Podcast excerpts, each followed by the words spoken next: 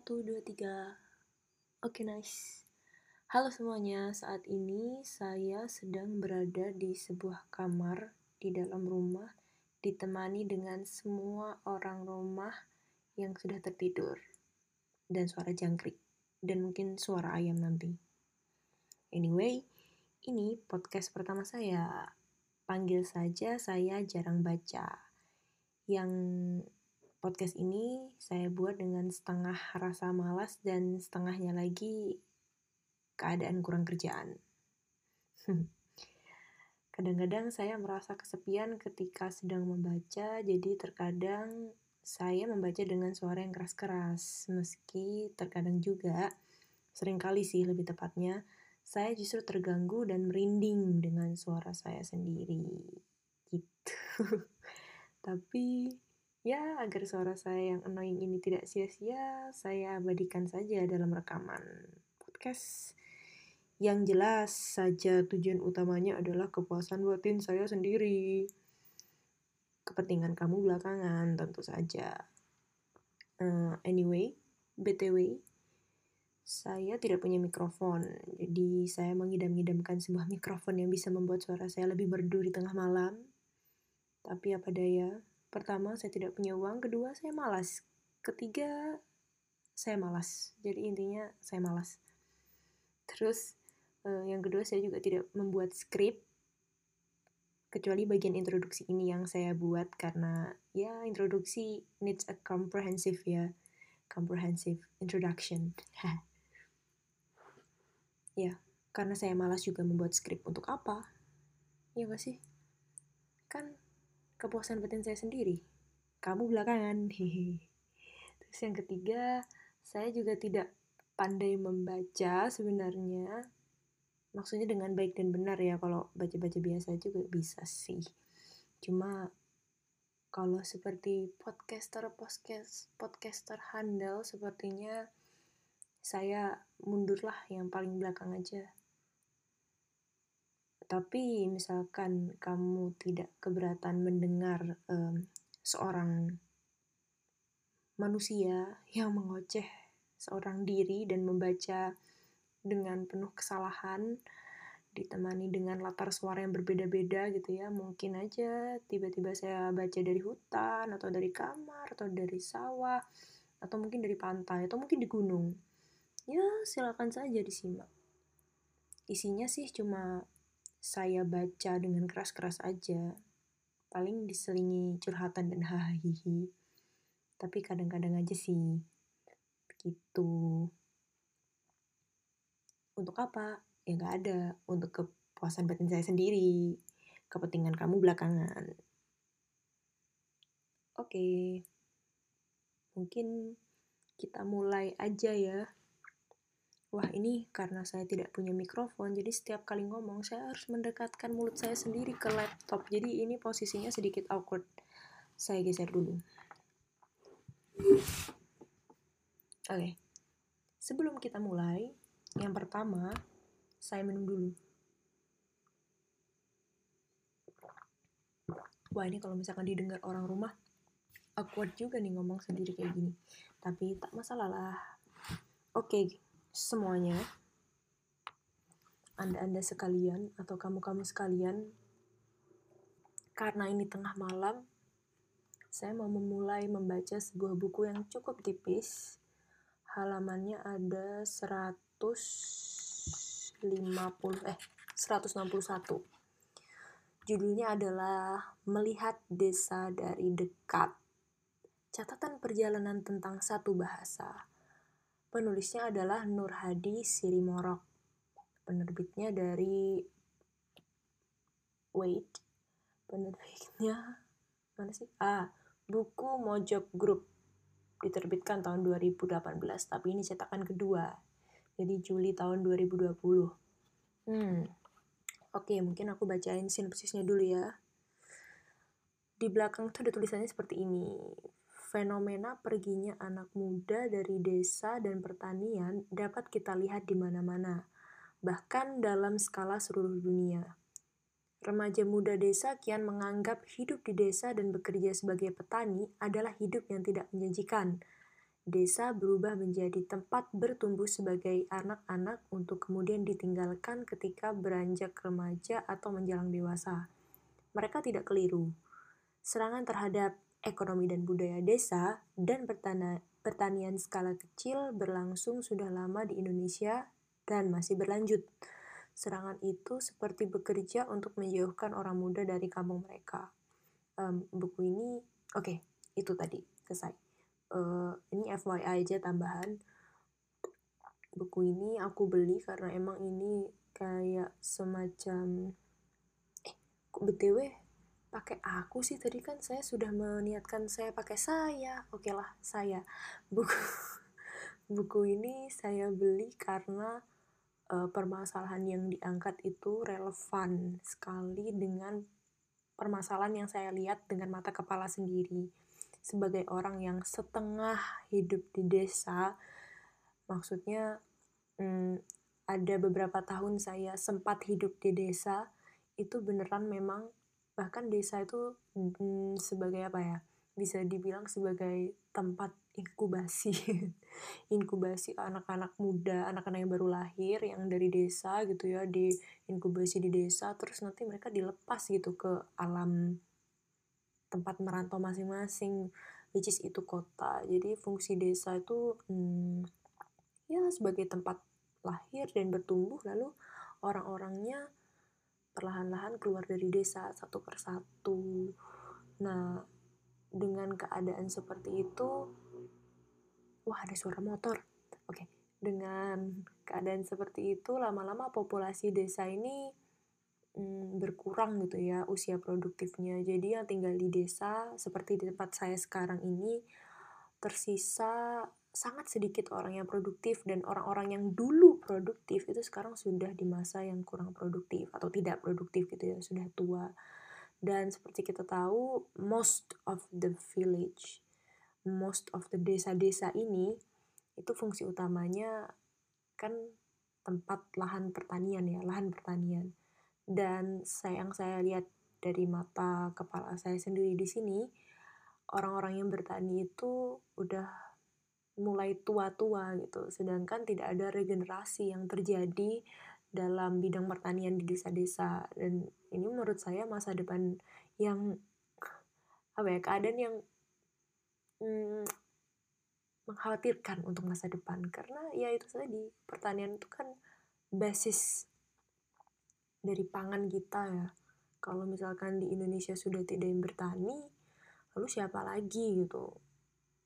Ya itu beneran ada fenomena seperti itu. Dan menurut saya itu hanya masalah mindset di mana orang-orang masih berpikir bahwa desa itu adalah tempat yang kurang produktif dan menahan e, masyarakat-masyarakat di dalamnya untuk berkembang. Lebih lanjut gitu.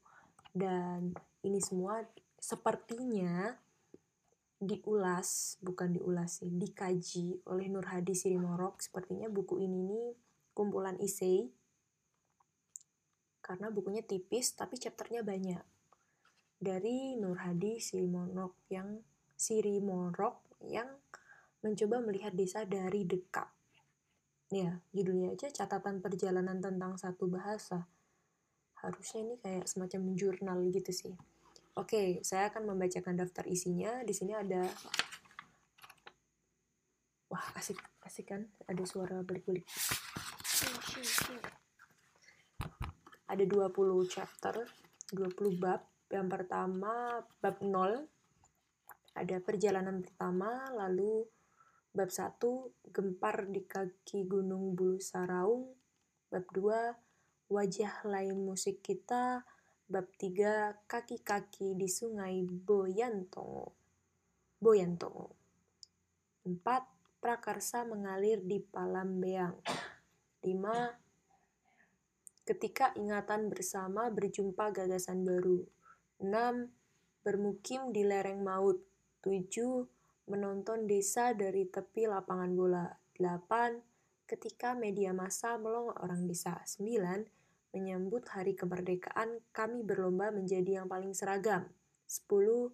Satu rumah, dua dunia. Sebelas, gaya hidup kota, malaria desa. Sebelas, loh kok sebelasnya ada dua kali nih, pasti tipu nih. Oke. Okay. 12 deh. 12, skenario mengerikan gunung Karts dan rumah kayu. Ini tipe apa gimana sih namanya emang Karts dan atau Karts dan? I don't know. Kita skip saja. 12, eh tadi udah 12 ya. Sekarang 13 setelah dua dasawarsa berlalu. 14, sebuah pantai yang menciptakan kecemasan. 15, tentang dua perempuan. 16, menjauhkan orang muda dari desa. 17. Catatan perjalanan tentang satu bahasa. 18. Hutan pinus. Folk bagi orang kota, bencana bagi orang desa. 19. Tiga cara mengajak orang muda menjadi petani. 20. Bagaimana kebijakan pacu produksi merawat ketergantungan petani. 21. Mengapa puluhan triliun dana desa setiap tahun bisa menguap sia-sia? Oke, jadi di sini sebenarnya ada 21 chapter, 21 bab, cuma tadi yang nomor 11 terdobel dua kali, sepertinya salah ketik, it doesn't matter. Jadi lanjut saja, kita ke chapter yang ke nol. Ini aneh banget sih, ada chapter ke nol, tapi ya udah mungkin memang ada. Oke, okay, saya minum dulu.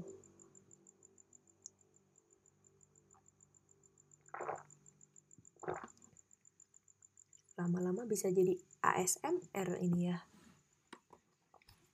Oke.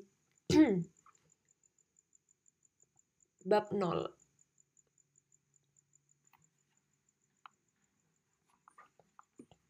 Perjalanan pertama. Tudu Awok, pucuk bambu, nama yang indah untuk sebuah desa.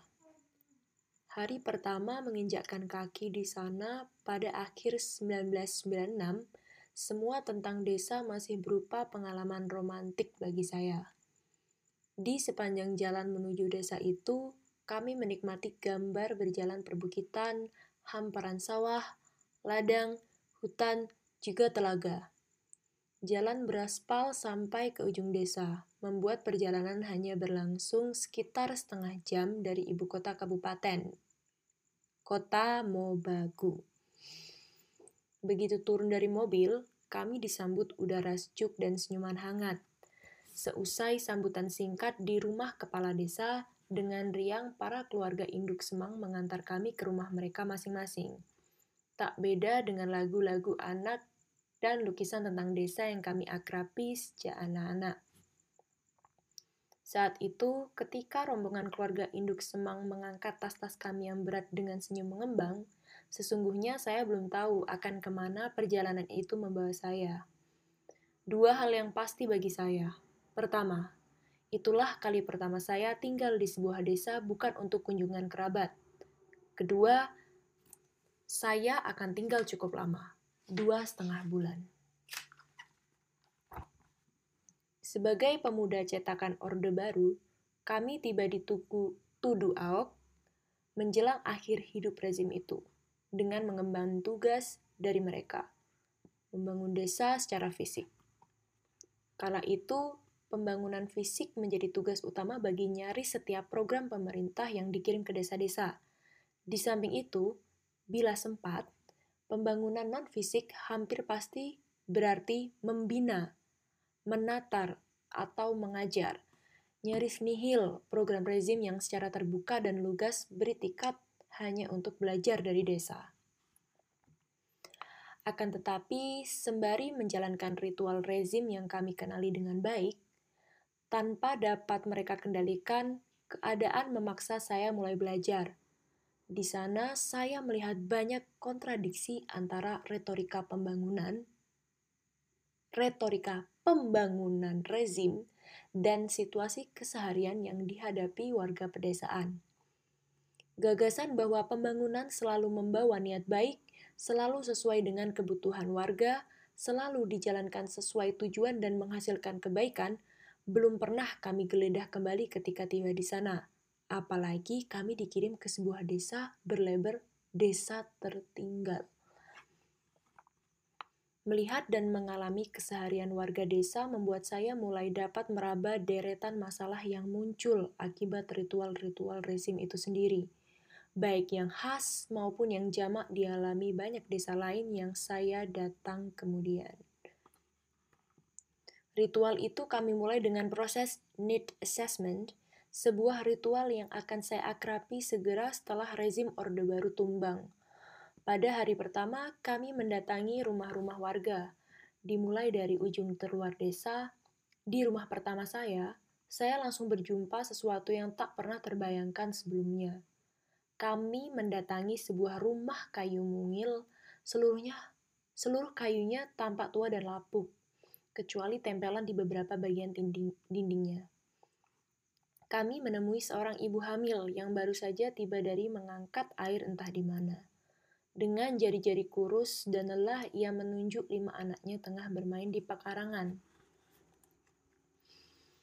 Anak saya ada enam, ucapnya. Anak pertama sedang di sekolah, kelas 1 SD.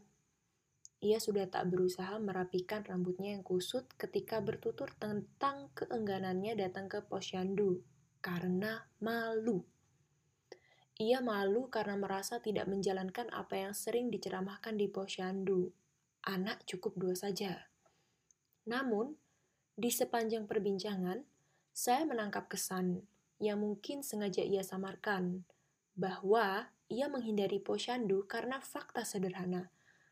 Ia miskin dan karena itu tinggal terpisah dari pusat perkampungan dan kegiatan sosialnya, termasuk posyandu.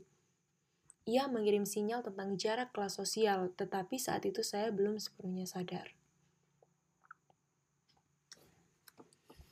Di sepanjang perjalanan menelusuri desa, sembari mengetuk pintu demi pintu, kami melihat wilayah perbukitan di desa itu tidak menerima suplai air yang cukup, sedangkan di lembahnya terhampar sebuah telaga. Orang-orang di punggung bukit yang tidak terlalu tinggi itu harus mengambil air di lembah lain yang berjarak hingga satu kilometer dari rumah-rumah mereka. Dalam perjalanan itu pula, saya melihat orang berburu tikus sawah untuk dijual ke kota.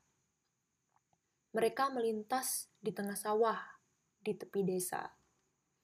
Mereka berjalan kaki mengikuti pematang dan hilang di balik rimbunan pohon di setapak yang mengarah ke utara, ke kota Mobagu pusat kabupaten. Setelah ritus kaji cepat itu, kami menyusun rencana kerja, rencana pembangunan secara harfiah.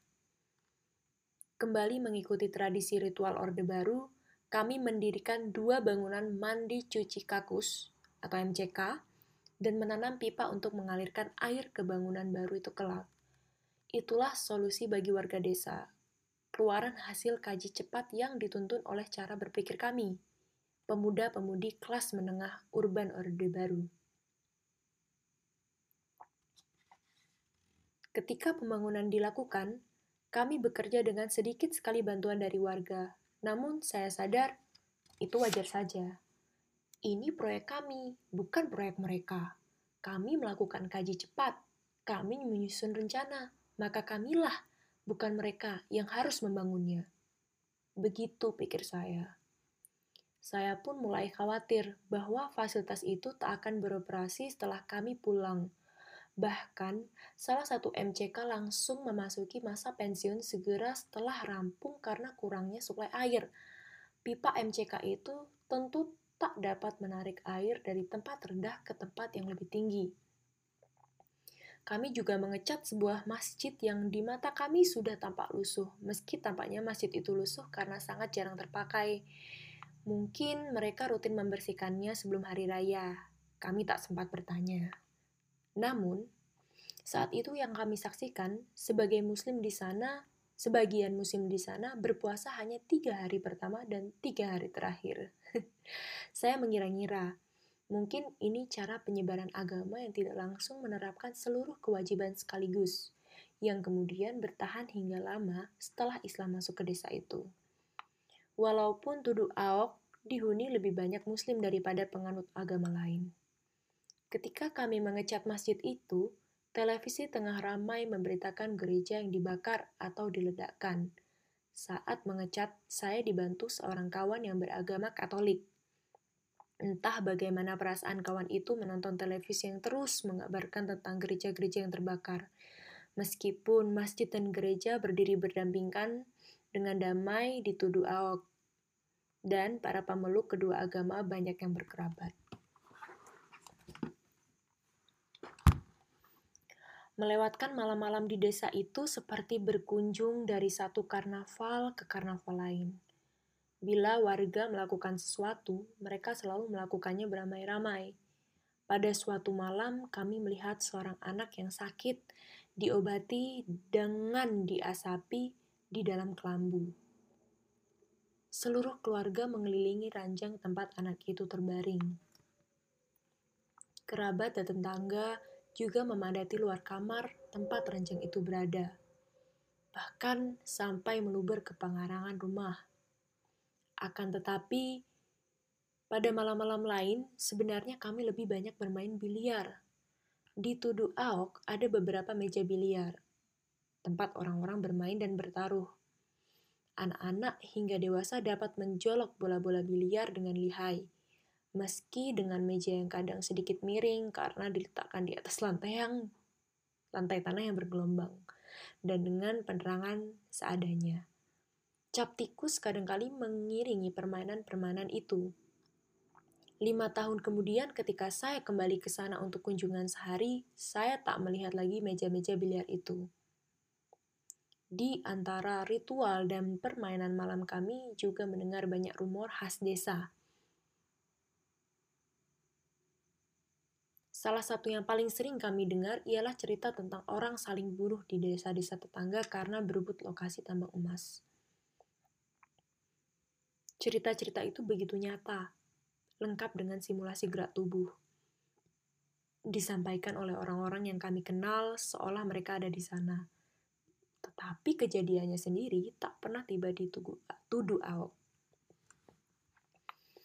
Semua yang kami alami dan nikmati di desa itu berlawanan dengan bisik-bisik yang berkembang di ibu kota kabupaten atau kecamatan tentang tuduh Ahok yang konon menyimpan banyak pemistik pemistik yang bisa mencelakakan orang, termasuk kami, orang luar yang datang tinggal di sana selama dua setengah bulan. Cerita mistik ini pun dihubungkan dengan banyaknya orang berambut merah tinggal di Tudu Ahok. Orang berambut merah dalam tanda kutip. Akan tetapi, satu-satunya hal menakutkan yang saya alami di sana berlangsung pada satu dini hari di ujung tidur yang nyenyak setelah seharian mengangkat berkarung-karung semen untuk pembangunan MCK, saya merasakan ada orang yang membangunkan saya dengan menguncang tempat tidur. Ketika saya membuka mata, tak ada orang di sana dan tersadar bahwa saya sedang tidur di lantai. Segera saya berlari keluar dan melihat sudah banyak orang berkumpul di lapangan samping masjid yang saat itu dipenuhi batang-batang jagung setinggi tubuh orang dewasa. Seolah ada yang memerintahkan mereka untuk berkumpul di tempat paling aman, itulah pengalaman gempa pertama saya. Saat itu mereka mengajarkan saya tentang arti kesiapsiagaan, sesuatu yang sejak 2005 setelah gempa Aceh dan Yogyakarta banyak diceramahkan di kota-kota sebagai salah satu ciri ketangguhan.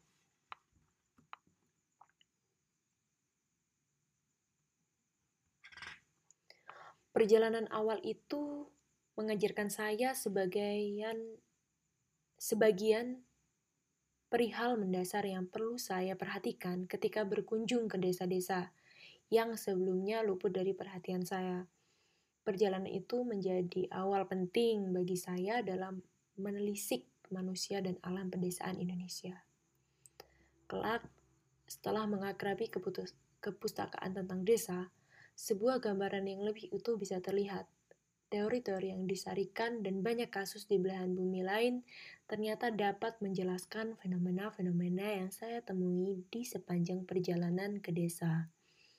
Sebagaimana dituduh Ahok, peminggiran dan beban ganda perempuan miskin berlangsung di banyak tempat.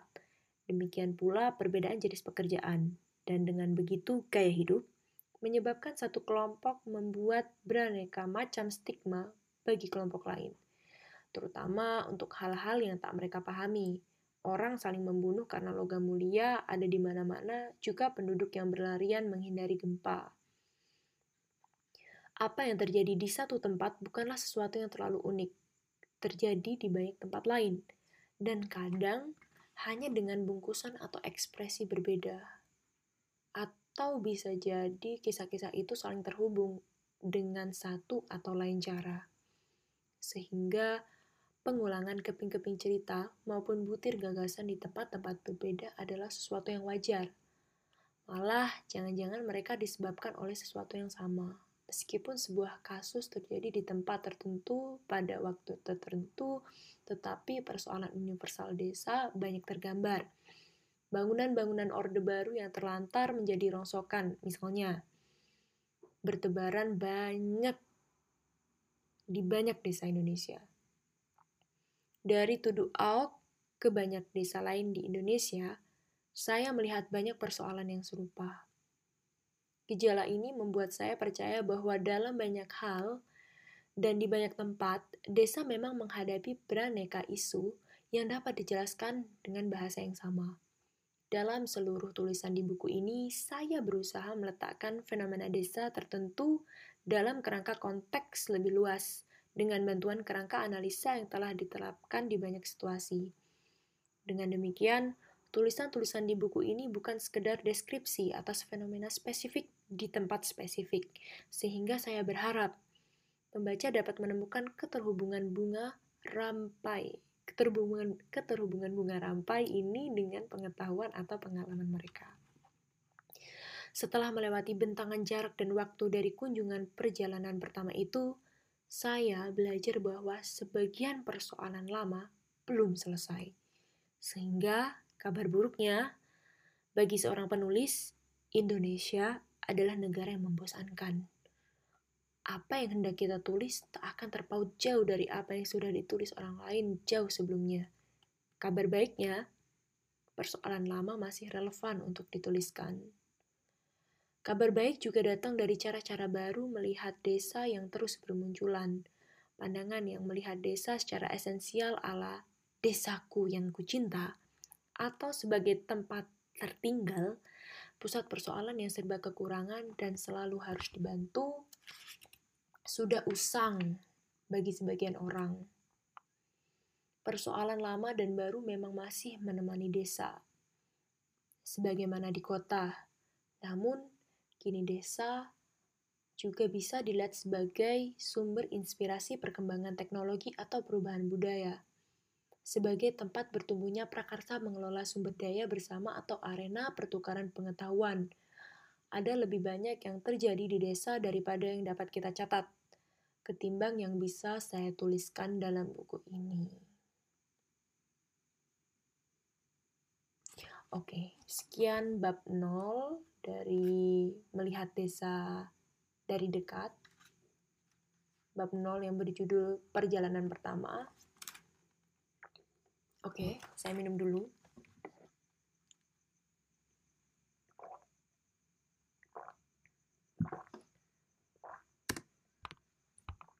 Berapa menit ya saya berbicara? Wow, ternyata hampir setengah jam. 28 menit. Oke, okay, um, saya jika saya boleh beropini dan memberikan tanggapan terhadap bab ke nol dari buku ini satu kata untuk bab bab ke nol ini adalah mengagumkan. saya terkesima tadi itu selama membaca dari awal sampai akhir. Kenapa? Sebab-sebabnya yang ditarik oleh Nur Hadi Sirimorok ini menurut saya sangat sangat sangat sama mirip dengan pemikiran saya yang baru terbuka beberapa akhir ini.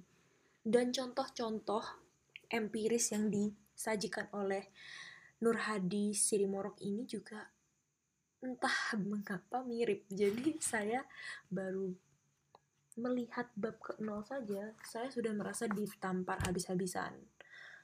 Oke. Pertama, itu tadi pertama. Kedua, Nur Hadi Sirimorok melihat desa oh tadi sebenarnya sebenarnya mirip sama yang alasan pertama juga pokoknya intinya si Nur Hadi Sirimorok ini melihat desa dengan cara yang ingin saya lihat juga gitu karena nggak semua orang tidak semua orang dapat melihat dengan perspektif yang telah dijelaskan oleh Nur Hadi Sirimorok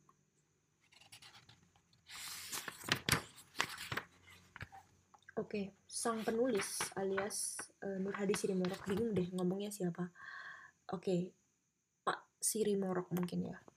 Oke, Pak Sirimorok ini sangat sangat wow. Ini sih saya suka banget dengan kalimat yang kayak gini. Uh, pandangan yang melihat desa secara esensial ala desaku yang tercinta atau sebagai tempat tertinggal pusat persoalan yang serba kekurangan dan selalu harus dibantu sudah usang bagi sebagian orang. Ya, ya, bagi sebagian orang itu menurut saya bagi saya juga gitu. Karena karena bagi saya dulu saya menganggap dulu ya, saya menganggap desa itu adalah sebuah tempat yang tertinggal sehingga ada dikotomi antara wilayah desa dan kota seolah dua hal ini tidak akan pernah menyatu. Seolah desa merupakan contoh dari peradaban yang tertinggal dan kota itu merupakan peradaban yang maju. Udah definisinya sebatas gitu. Maka dari definisi itu pandangan-pandangan saya terhadap desa itu juga uh, terpengaruh yaitu desa uh, cenderung sebagai tempat yang kurang maju orang-orangnya berpikiran sempit primitif mungkin dalam hal terparahnya uh, tidak melek teknologi, membosankan, sangat apa ya, sangat kaku, konservatif dan lain-lain. Ya, mungkin jika dilihat sekilas memang benar adanya, tapi sebenarnya hal-hal itu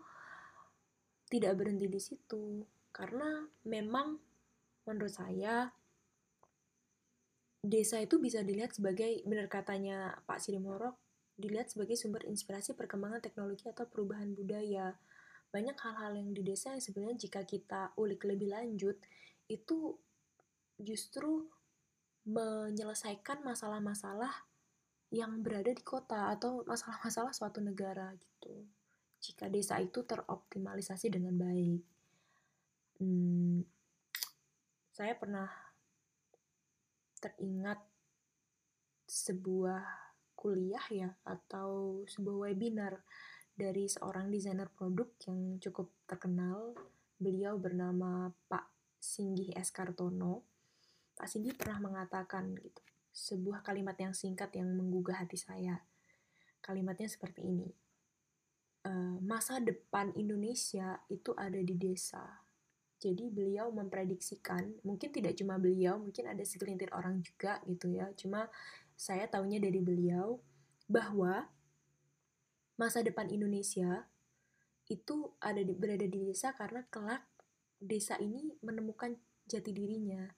Jadi nanti akan ada pembangunan yang bersifat desentralisasi gitu ya di mana desa-desa ini mulai dibangun dengan kearifan lokalnya karena dengan bantuan teknologi jadi banyak-banyak orang yang uh, menjauhi bukan menjauhi ya tersebar di beberapa desa bukan menetap di kota lagi gitu. Karena udah memungkinkan uh, bekerja secara remote.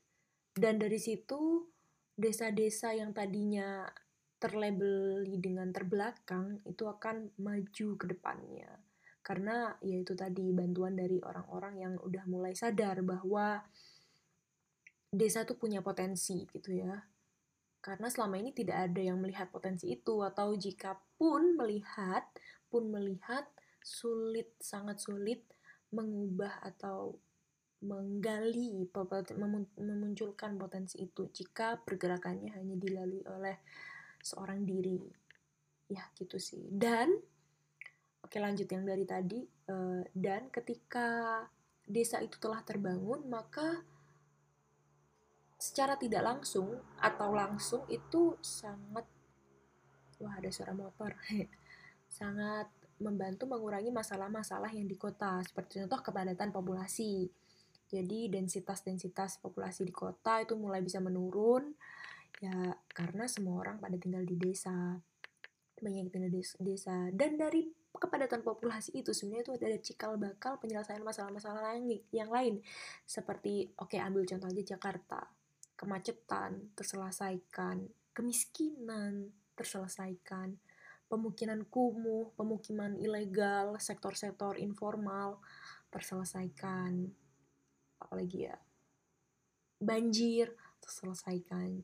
Jadi yaitu sebenarnya cara menyelesaikan masalah di kota adalah bukan membenahi infrastrukturnya atau kebijakan kotanya, bukan untuk membuat jalan layang untuk mengatasi kemacetan atau menerapkan eh, kebijakan-kebijakan untuk bertempat tinggal untuk menyingkirkan sektor-sektor informal yang dapat menyebabkan banjir, bukan itu, tapi justru mungkin saja solusi atas permasalahan yang di kota, yang berada di kota itu justru berada di desa. Jadi dengan merevitalisasi desa, dengan menggali potensi desa dengan caranya sendiri gitu ya, tidak mengurbankan desa, justru itu dapat secara tidak langsung ataupun langsung menyelesaikan masalah yang ada di kota. Itu hanya perbedaan perspektif sih. Ya tapi kalau menurut saya itu sangat masuk akal dan sangat mungkin dilakukan ke depannya. Oke lanjut lagi yang membuat saya terkesima dari tulisan bab 0 Pak Sirimorok ini adalah pengalaman beliau tentang membangun MCK.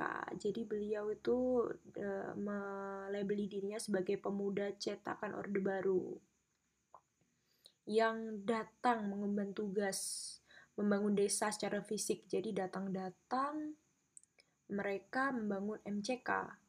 Terus di samping itu, jika ada pembangunan fisik pun, judulnya membina, menatar, atau mengajar. Terus, nah dari situ saja kalau misalkan menurut saya, itu adalah sebuah pola pikir yang keliru. Karena dengan uh, menempatkan diri sebagai orang yang membina atau orang yang menatar atau orang yang mengajar itu secara tidak langsung menempatkan kita sebagai orang-orang kota gitu ya atau pendatang berada pada derajat yang lebih tinggi dari orang-orang desa yang memiliki sepenuhnya desa itu sendiri gitu. Mungkin ini jadi sebabnya dan pasti ini jadi sebabnya mengapa pembangunan-pembangunan yang bersifat seperti ini nih yang bersifat orba, saya sebut saja, itu tidak sustain. Ya, tidak sustain. Karena ya mereka beranggapan bahwa ini proyek kami, bukan proyek mereka. Kami melakukan kaji cepat, kami menyusun rencana, maka kamilah, bukan mereka yang harus membangunnya. Itu kan yang dipikirkan. Tapi jika kita lihat dari perspektif lain, bahwa sebenarnya itu adalah desa mereka. Mereka adalah yang tahu desa itu berpotensinya apa saja, apa yang harus mereka lakukan pada desa itu, apa yang kelak desa itu akan berikan kepada mereka. Jadi sebenarnya jika ingin membangun desa, maka lihatlah dari si desa itu sendiri itu. Ya nggak sih? Ya nggak sih? Ini ini ini sih saya saja yang satoy tapi itu benar-benar tamparan keras untuk saya dan mungkin Anda dan mungkin kalian, kamu, ya, bahwa sering kali kita melihat warga desa gitu ya. Maksudnya kita sebagai seorang yang ingin membangun dalam tanda kutip membangun desa, sering kali kita tuh melihat warga desa dan segala isinya elemen-elemen desa itu adalah objek yang diam, yang tidak memiliki kehendak untuk turut campur terhadap hal-hal terkait pembangunan-pembangunan desa itu dan kita adalah uh, subjek yang bergerak gitu. Padahal seharusnya ada dua subjek di situ yang harusnya bukan menjadi dikotomi lagi antara pembina dan yang dibina gitu ya, tapi sudah melebur saling bahu membahu untuk ya membangun desa gitu berbagi perspektif berbagi peran dan ini menurut saya itu bakal bakal lebih apa ya hasilnya lebih sustain karena ada keterlibatan warga desa itu sendiri dengan lingkungan tinggalnya dengan miliknya sendiri gitu. Wah kalau sudah ngomongin desa sebenarnya saya suka sekali sih dan saya ingin diskusi ini ini berlanjut karena saya diskusi dengan diri saya sendiri dan dari dulu ini menjadi kegelisahan saya untuk apa ya untuk untuk menggali potensi desa atau berjuang memperjuangkan desa gitu. Tapi saya rasa ilmu saya belum cukup untuk itu. Dan terus saja saya berpikir seperti itu bahwa ilmu saya belum cukup ilmu saya belum cukup. Tapi itu bukan karena kemalasan atau kekhawatiran berlebih sebenarnya. Kalau boleh bercerita sedikit dulu juga saya pernah mencoba untuk terjun ke masyarakat dan dalam tanda kutip membangun desa. Cuma hal yang saya lakukan justru menjadikan tanpa sadar sih tanpa sadar menjadikan desa itu sendiri sebagai objek mengobjektifikasi desa dan elemennya dan itu saya mendapat kritik dari beberapa pihak dan saya benar-benar mengakui kesalahan saya saat itu. Bahwa saya kurang melibatkan warga desa itu sendiri dalam cita-cita saya. Dan dari situ saya mendapat semacam pengalaman traumatis gitu ya. Saya kecewa dengan diri saya sendiri bahwa saya tidak bisa melihat dengan lebih holistik bahwa saya menjadi manusia yang sombong bisa dibilang merasa berilmu merasa bisa membangun sesuatu dan merasa desa itu adalah suatu apa ya elemen yang tertinggal dalam peradaban. Saya sadar saya salah. Saya mengkaji diri saya sendiri melakukan introspeksi secara mendalam dan sampai sekarang gitu. Ya saya terus belajar sih. Ya semoga saja saya dipertemukan dengan orang-orang yang dapat menyinari menyinari kegelapan saya ya ampun lucu banget sih oke okay. tapi wah bacaannya menarik saya sudah terkesima dengan bab nol bahkan. Apalagi ya.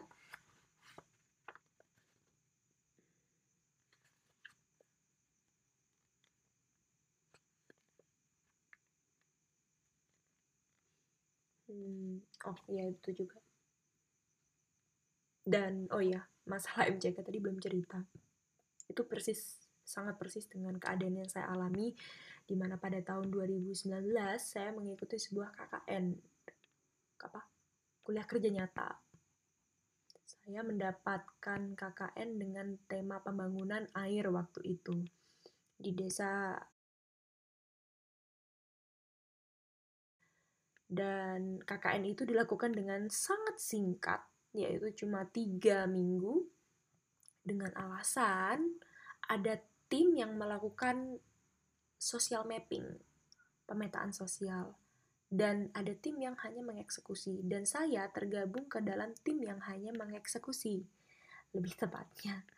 Dan karena saya tema air, saya tidak tahu menahu tentang permasalahan apa yang sebenarnya akan diangkat oleh tim-tim social mapping ini terhadap desa tersebut gitu, yang akan mm, diwujudkan dalam bentuk hasil dari KKN uh, tema air itu gitu ya.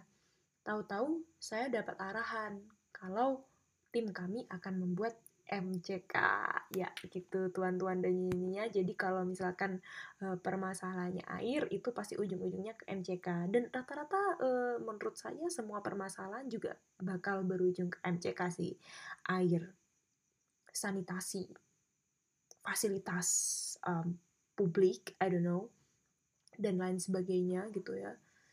Ya begitu. Jadi ya saya merasa itu masih bisa diulik lagi. Tapi apa daya apalah daya saya saya hanya tim eksekusi yang eh, tiga minggu. Dan dari situ karena background saya desain dan desain itu fakultas yang dilupakan di desain jadi semua orang menganggap bahwa saya harus melakukan kontribusi lebih.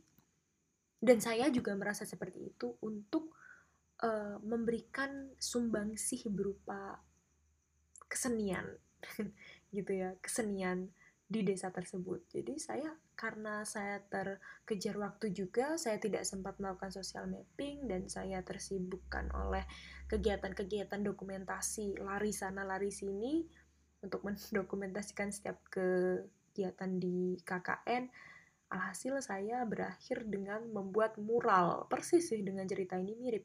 Kalau mereka mewarnai mewarnai masjid saya mewarnai MCK jadi MCK-nya saya mural dan dari situ sebenarnya saya sedikit bangga karena saya sedikit sekali meskipun sangat sedikit melibatkan anak-anak yang ada di sana dan mengedukasi mereka sedikit demi sedikit tentang apa itu estetika, apa itu seni dan lain sebagainya. Gitu.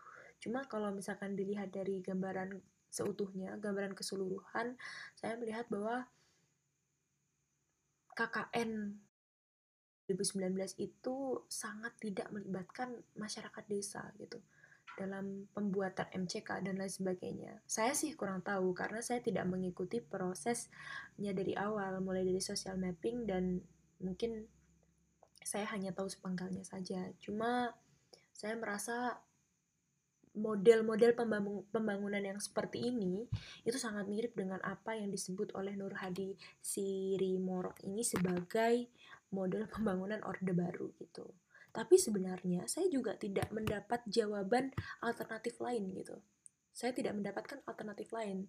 Bagaimana cara membangun membangun desa dengan efisiensi waktu gitu. Dengan efisiensi waktu yang seefisien si pembangunan MCK ini gitu di mana kita dapat membangun desa dalam kurun waktu kurang dari satu bulan gitu ya gitu sih da ya itu pertanyaan-pertanyaan yang belum terjawab. Apakah membangun suatu desa yang benar itu uh, tidak ada konteks waktunya tidak ada kejaran waktu atau konteks waktunya itu di apa ya kita tidak terpaut oleh waktu gitu. Jadi kita kayak melakukan dengan sangat natural mengikuti timeline desa dan lain sebagainya melebur dan lain sebagainya gitu. Dan kadang juga masih ada orang yang berpikir bahwa solusi yang baik itu adalah solusi yang terlihat. Ya solusi yang baik itu adalah solusi yang terlihat. Sehingga solusi yang tidak terlihat seperti yang dikatakan oleh dicita-citakan oleh saya dan Nur Hadi Sirimorok itu sangat sulit diterima oleh masyarakat itu sendiri dan oleh kita gitu mungkin. Maksudnya kadang masyarakat itu sendiri maksudnya orang-orang desa itu sendiri lebih suka jika diberi sesuatu yang terlihat. Karena mereka dapat merasakannya langsung. Dan mereka jika diberi sesuatu yang tidak terlihat mereka malah mungkin aja bingung gitu. Sebenarnya apa yang dilakukan oleh orang-orang kota ini gitu? Apa di yang dilakukan oleh para para pembangun ini gitu? Tapi kalau dari situ sih menurut saya ya karena ya sudah ada citra sendiri di masyarakat bahwa jika ada peneliti atau orang-orang kota atau oknum-oknum atau ya orang-orang pemerintah yang datang ke desa itu mereka pastinya membawa pembangunan secara fisik dan non fisik yang instan seperti ini. Itu sudah mengakar sih.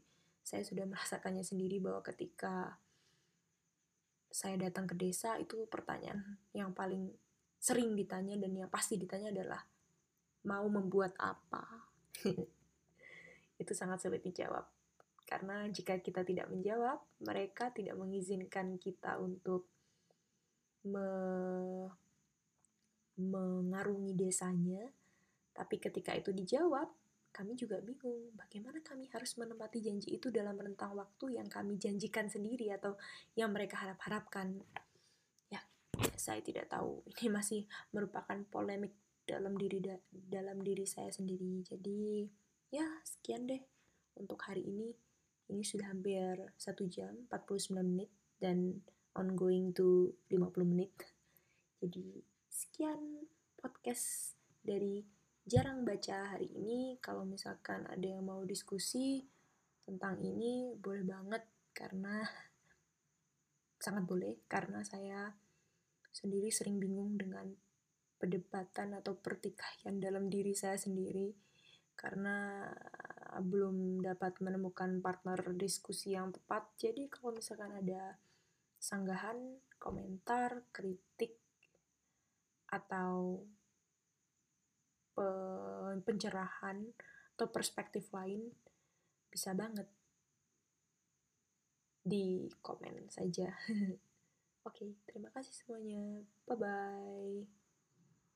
Selamat malam. Di sini 2353. Bye.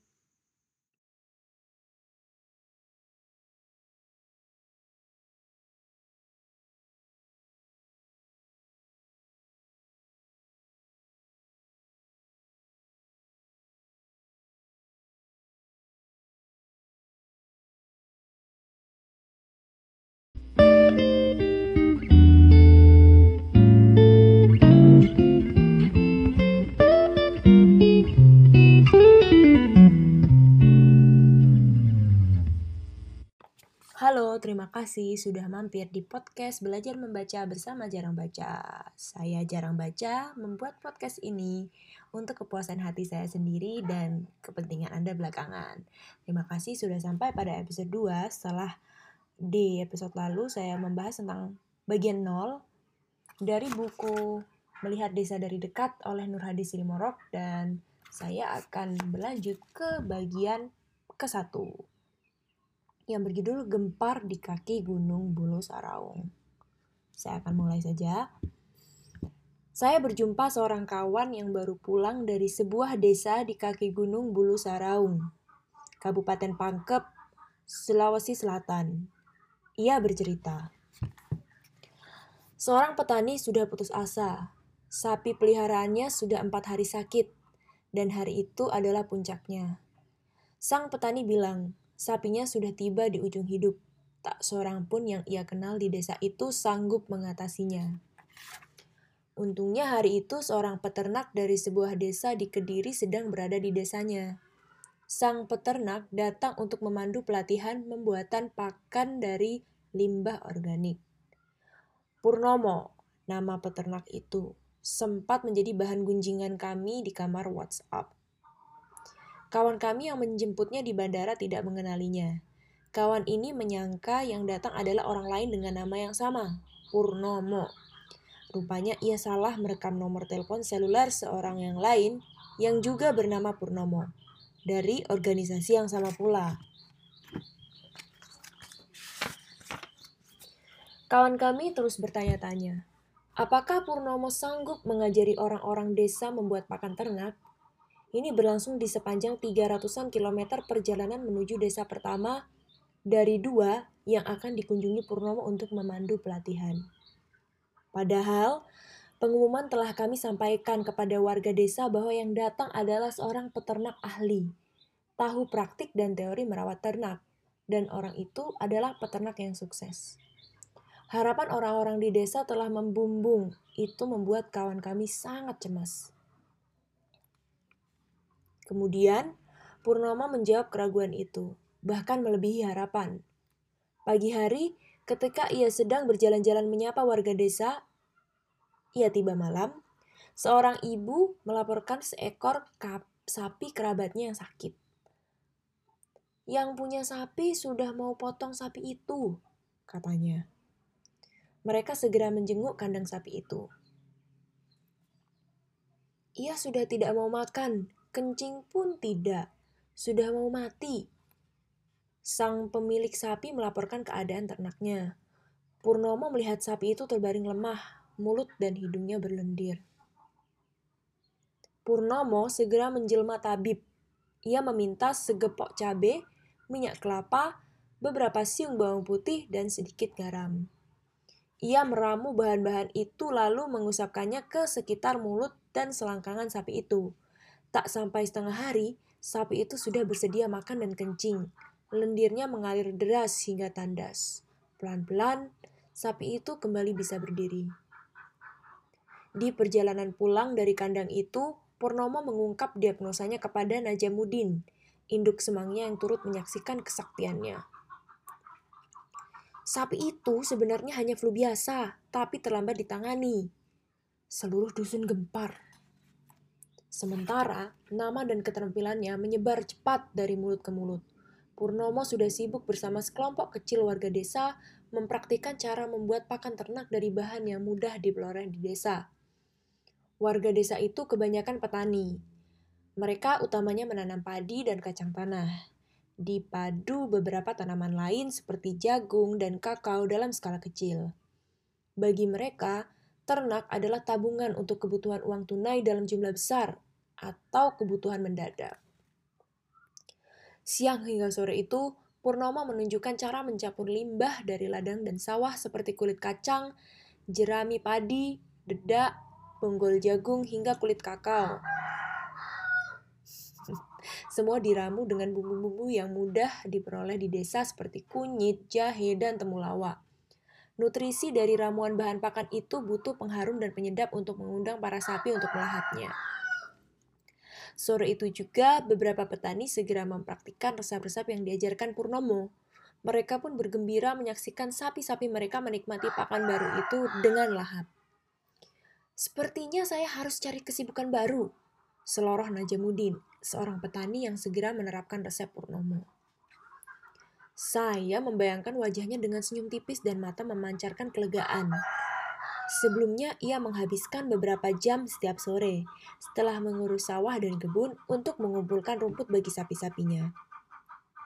Rentang waktu itu akan terpotong banyak jika ia bisa memanfaatkan limbah sawah dan lading untuk pakan sapi. Kulit kacang dan bonggol jagung di musim kemarau, juga jerami padi pada musim penghujan selalu tersedia dalam jumlah melimpah seusai panen. Najamuddin pernah bercerita kepada saya bagaimana ia dan banyak petani lain harus berpindah dari satu lahan ke, la ke yang lain tiap hari. Setiap petani punya setidaknya 5 sampai 10 lahan di tempat berbeda.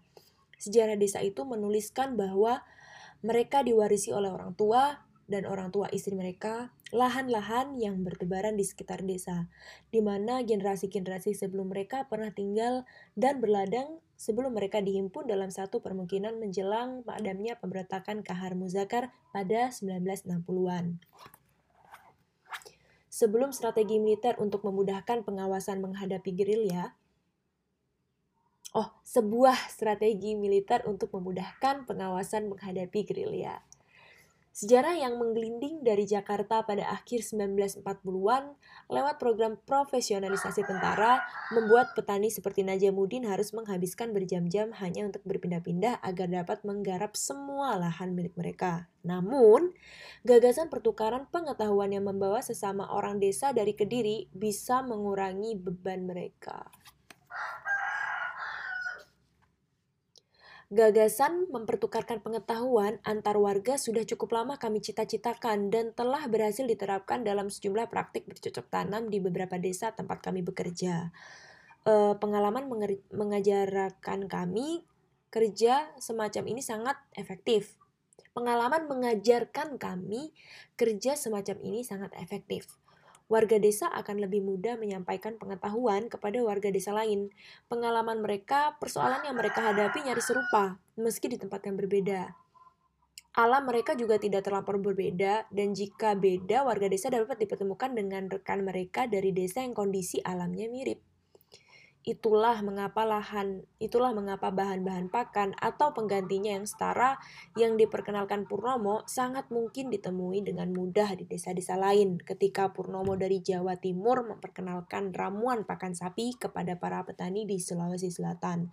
Dengan mudah warga desa bisa mengusulkan alternatif dan tidak sulit pula Purnomo untuk menilai apakah alternatif itu memungkinkan. Mereka punya kedekatan secara ekonomi, sosial maupun ekologis, sehingga mereka punya kecocokan dalam bagaimana menghadapi persoalan. Akan tetapi, praktik semacam ini jauh lebih sulit diwujudkan ketimbang direncanakan. Meskipun sulit disebut sebagai kegiatan yang langka, kerja seperti ini selalu ada. Tetapi hanya dalam skala kecil dan tidak ada jaminan bisa berlanjut kecuali warga dalam jumlah terbatas dapat melanggengkannya. Dengan kata lain, upscaling, perluasan skala penerapan, sulit diusahakan, sama susahnya untuk membuat membuatnya berkelanjutan. Bandingkan misalnya dengan program penyuluh pertanian pemerintah yang dapat terlaksana secara berkelanjutan dalam skala luas, walaupun banyak dikeluhkan warga desa. Program yang disebut belakangan itu pada dasarnya mengirim orang-orang yang telah mendapat cap berpengetahuan layak oleh lembaga di kota untuk mengajari orang-orang di desa tentang berbagai ihwal bercocok tanam. Program pertukaran pengetahuan antar desa semacam ini juga tak seberuntung program-program studi banding kunjungan singkat untuk mempelajari sesuatu di tempat lain yang sebenarnya adopsi dari program-program lain yang dilakukan pejabat-pejabat di kota. Ketika saya berada di Belanda, saya sempat melihat beberapa pejabat berkeliaran di sentrum pusat pertokoan Den Haag dan berpelesiran di Volendam, kota wisata nelayan dekat Amsterdam. Tak lama kemudian, saya mendengar cerita lawan, cerita kawan. Tak lama kemudian, saya mendengar cerita kawan yang berjumpa rombongan anggota parlemen di Leiden yang datang untuk mencari tahu asal nama kota tempat mereka bertugas. Coba bandingkan dengan ini. Empat petani Sulawesi Barat dan Selatan berkeliaran di dua desa di Jawa Tengah selama satu musim tanam untuk mempelajari teknik pertanian padi, organik, system of rice intensification yang tidak butuh banyak air, maupun pupuk maupun pestisida. Dua kelompok studi banding ini sama-sama praktisi, para petani mendatangi praktisi dan ahli organik desa lain, mempelajari sesuatu yang dapat langsung mereka terapkan untuk mengurangi ongkos tanam atau input kimia, dan dapat meredam konflik atau mengurangi kebutuhan air. Keduanya merupakan kebutuhan mendesak petani. Pengetahuan itu langsung dapat mereka ajarkan, dan memang mereka latihkan kepada petani lain. Sementara kelompok yang lain hanya datang beberapa hari, mendatangi para ahli dan praktisi di negara maju, mencari sesuatu yang belum tentu langsung bermanfaat jangka panjang bagi warga, apalagi warga desa. Dan mereka menggunakan uang negara. Dari situ, kita dapat menyusun praduga bahwa penghalang utama program pertukaran pengetahuan antar desa adalah sikap umum terhadap pengetahuan petani atau pengetahuan yang dikembangkan oleh desa oleh orang desa sendiri. Warga desa terlampau sering dicitrakan sebagai orang-orang terbelakang, sehingga mereka dianggap tidak punya pengetahuan untuk dibagikan, bahkan kepada orang desa lainnya. Karenanya, sulit menemukan program pemerintah maupun lembaga dana internasional mencurahkan anggaran agar orang desa dapat saling bertukar pengetahuan secara berkelanjutan dengan skala cukup besar. Fenomena seperti ini mengingatkan saya tentang ketimpangan kuasa pengetahuan. Di kasus penyuluh pertanian, kita dapat menemukan cara berpikir bahwa hanya pengetahuan para pakarlah orang-orang kota dari berbagai jawatan, organisasi internasional, kampus, yang pantas untuk dibagikan kepada orang desa. Dan mekanisme sebaliknya tidak dimungkinkan karena ketertinggalan pengetahuan orang desa dalam segala bidang kehidupan. Di kasus pejabat, hanya dengan bepergian ke negara maju, pengetahuan yang mereka cari dapat dipelajari. Situasi seperti ini bersama serangan kultural lain terhadap orang desa yang berlangsung terus-menerus lambat laun dapat menciptakan kondisi di mana orang desa sendiri sulit percaya pada kemampuan sendiri, kemampuan desa memproduksi pengetahuan, meskipun mereka melakukannya setiap hari. Kami pun punya pengalaman soal ini kami pernah mendekati satu desa untuk menerapkan sistem cocok tanam yang sudah berhasil di desa tetangganya. Sistem ini secara nyata sudah terbukti sangat menguntungkan bagi para petani yang menerapkannya. Menurut perkiraan kami, mereka akan setuju karena dengan mudah para petani dari desa tetangga dapat menunjukkan contoh sukses mereka. Mereka juga tidak akan sulit mencari guru yang dapat mereka akses kapan pun mereka butuh, sebab orang-orang itu sudah tersedia di desa tetangga. Kami pun sudah sepakat dengan para petani dari desa tetangga itu yang telah siap menyediakan waktu untuk membagi pengalaman dan pengetahuan. Akan tetapi, rencana itu urung terlaksana. Mereka tidak bersedia diajari oleh orang-orang dari desa tetangga. Rupanya, bagi mereka, penduduk desa tetangga adalah orang-orang yang setara dan mereka kenal sejak kecil. Mereka ingin diajari oleh para pakar dari jauh yang dulu mengajari tetangga mereka. Padahal para pakar itu hanya datang beberapa hari untuk membagikan sebagian prinsip dan metode dasar yang juga mereka tempa bersama petani-petani dari tempat lain. Selebihnya, adaptasi prinsip dan metode itu lewat uji coba selama beberapa musim tanam, untuk akhirnya tiba pada sejumlah modifikasi sesuai kondisi ekologis setempat. Semua dikerjakan oleh para petani, para narasumber yang telah mereka tolak meski secara sopan. Para petani yang telah menjelma pakar sudah memproduksi pengetahuan di desa sendiri, masih kalah oleh kuasa pakar dari kota Situasi seperti ini tentu saja telah ditempa sekian lama. Untungnya Purnomo datang ke desa-desa yang tidak lagi memegang keyakinan umum itu. Di sana, orang-orang sudah terbiasa menerima warga desa lain bertandang ke desa mereka, atau mereka datang ke desa lain untuk berbagi pengetahuan. Jika tidak jika tidak demikian, barangkali kawan kami tidak perlu cemas Bila Purnomo yang datang bukanlah Purnomo yang ditunggu, sebab warga yang akan ia datangi tidak akan bersedia duduk mendengarkannya, hanya seorang peternak dari desa lain. Wow. Sekian bagian ke satu. Wah, saya juga bingung apakah seharusnya saya mengutarakan opini saya di sini karena sepertinya opini pada bagian ke-0 masih sangat relevan dengan apa yang dikatakan oleh Nur Hadi Sirimorok pada bagian ke-1 ini. Jadi sepertinya mungkin bagian ke-1 ini lebih pada mengkonfirmasi praduga saya dan opini saya yang saya telah utarakan di bagian ke-0 alias episode pertama, episode lalu. Bahwa benar mindset itu sudah uh, mengakar budaya gitu ya. Antara mindset orang desa dan orang kota yang ada dikotominya antara peradaban maju dan peradaban terbelakang. Ya tapi sepertinya menarik jika ke depannya Nur Hadi Sirimorok maksudnya di bab berikutnya barangkali ada penjelasan lebih lanjut tentang sebuah desa yang katanya didatangi oleh Pak Purnomo ini dan mereka sudah terbiasa menerima warga desa lain bertandang ke desa mereka atau mereka yang datang ke desa lain untuk berbagi pengetahuan. Ini merupakan sebuah apa ya sebuah uh, pertukaran pengetahuan antar desa. Saya ingin tahu sih proses detailnya itu seperti apa hingga sebuah desa mampu memiliki pola pikir seperti itu.